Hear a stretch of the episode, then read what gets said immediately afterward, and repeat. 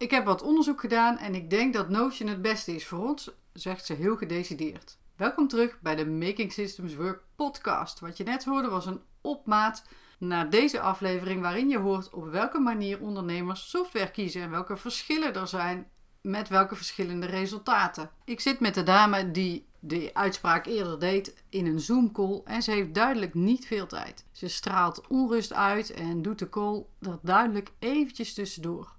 Verklaarbaar, want er gebeurt van alles in haar business. En ze zegt dan ook snel: Ik heb zelf geen tijd om uit te zoeken hoe dat uh, precies werkt, dat Notion. Dus ik wil dat iemand dat voor me doet. Maar uh, het lijkt me tof en daar kunnen we in de toekomst ook prima mee uit de voeten, denk ik. En met een snel groeiende business is ook haar team gegroeid. En logisch dus dat de oplossing die ze al een paar jaar hebben gebruikt echt niet meer past en niet meer werkt. En na wat onderzoek, zoals ze al zei, in haar vrije tijd op een zondag of zaterdag, heeft ze besloten dat Notion het beste is. En mijn vraag hoe ze dat zo zeker weet, valt niet echt helemaal in goede aarde.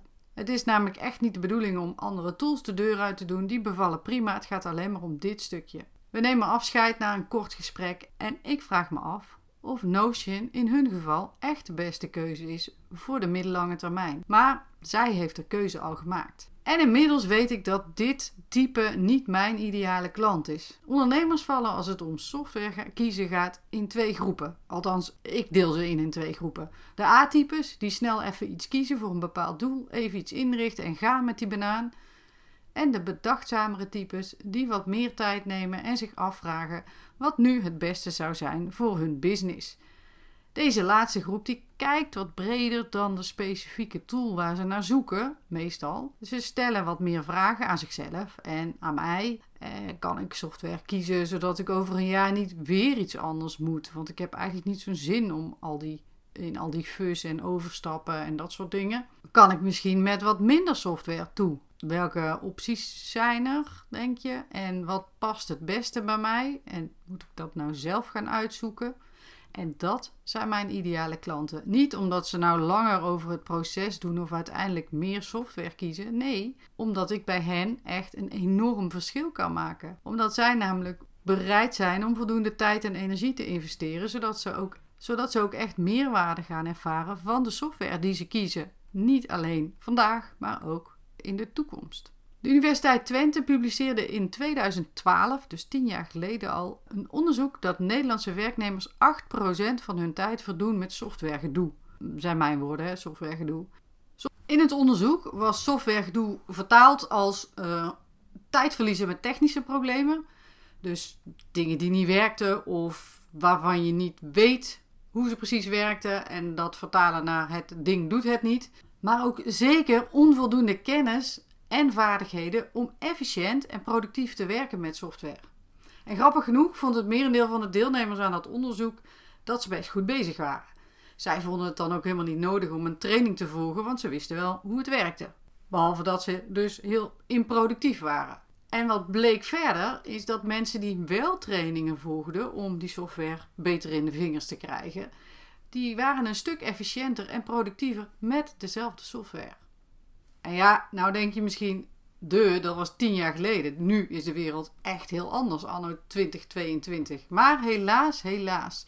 Mijn ervaring is dat het helemaal niet beter is geworden aanbod is geëxplodeerd, helemaal waar. En door de technologische ontwikkelingen heeft iedereen veel meer software dan toen. Iedereen heeft een smartphone en werkt op laptops en uh, slimmere computers.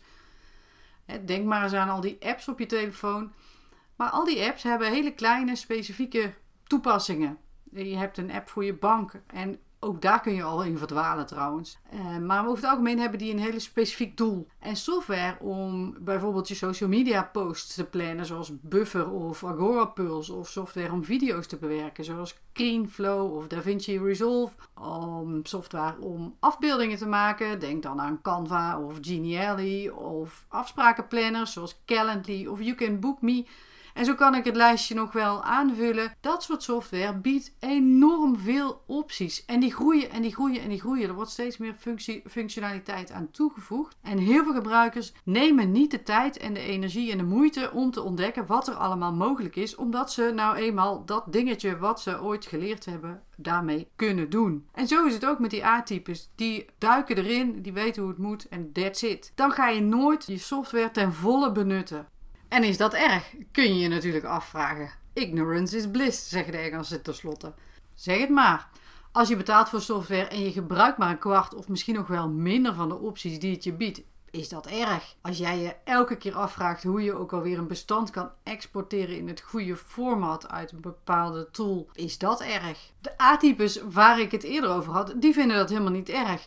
En even voor de duidelijkheid, A-types kan je misschien als negatief opvatten. Dat is helemaal niet, hè? want daardoor krijg je natuurlijk ongelooflijk veel voor elkaar. Maar het is niet een manier van werken die heel erg bij mij past. En waarvan ik denk dat je minder resultaat hebt in het vak waarin ik zit. Maar voel je dus vooral niet aangevallen en voel je ook niet belemmerd om toch contact op te nemen. Want wie weet kunnen we op een manier samenwerken dat we beide uit de voeten kunnen. Voor de meer bedachtzame types is het vaak, niet altijd, maar is het vaak anders. Mijn pleidooi is om eigenlijk met meer zorg software te selecteren voor je business. En niet alleen te kijken naar dat ene probleem dat je wil oplossen. Dus niet met oogkleppen, maar veel meer holistisch bekijken. Wat hebben we nou nodig in de basis? En dan kan je natuurlijk denken, ja, de, dat duurt allemaal veel te lang en dat kost me veel te veel tijd. Dan denk ik dat wij geen match zijn. Realiseer je wel dat met de energieprijzen van nu software steeds duurder wordt. Want software vreet elektriciteit. En datacenters die vreten elektriciteit. Dus het wordt denk ik steeds interessanter voor iedereen om de meerwaarde van je software ook volledig te benutten omdat je er, dat is tenminste mijn verwachting, steeds meer voor gaat betalen. En de ervaring leert natuurlijk, als je meer moet betalen, dan ga je ook iets meer uh, nadenken over: heb ik het nodig en hoe kan ik het zo optimaal mogelijk inzetten? Als je toe bent aan nieuwe software, dan kan je natuurlijk prima zelf aan de slag in je vrije tijd of in je business tijd op YouTube en een Google om onderzoek te doen naar jouw ideale software stack, zoals ik die dan noem. Het is niet alleen één tool, maar juist een hele, ja, hele set van, van software. Wil jij liever tijd geld en energie besparen? Neem dan even contact op om te bespreken hoe ik jou kan helpen om in korte tijd jouw software stack te kiezen, althans voor jouw business, die goed te implementeren, dus volledig te benutten, goed, goede skills aan te leren en als bonus zoveel mogelijk te gaan automatiseren. Dat was hem voor deze keer. Korte aflevering. Vond je deze aflevering waardevol? Laat het me gerust weten. Graag zelfs. Stuur me een e-mail. Uh, laat een review achter in jouw favoriete podcast-app. Of stuur me een berichtje op LinkedIn. Dankjewel voor het luisteren en tot een volgende aflevering.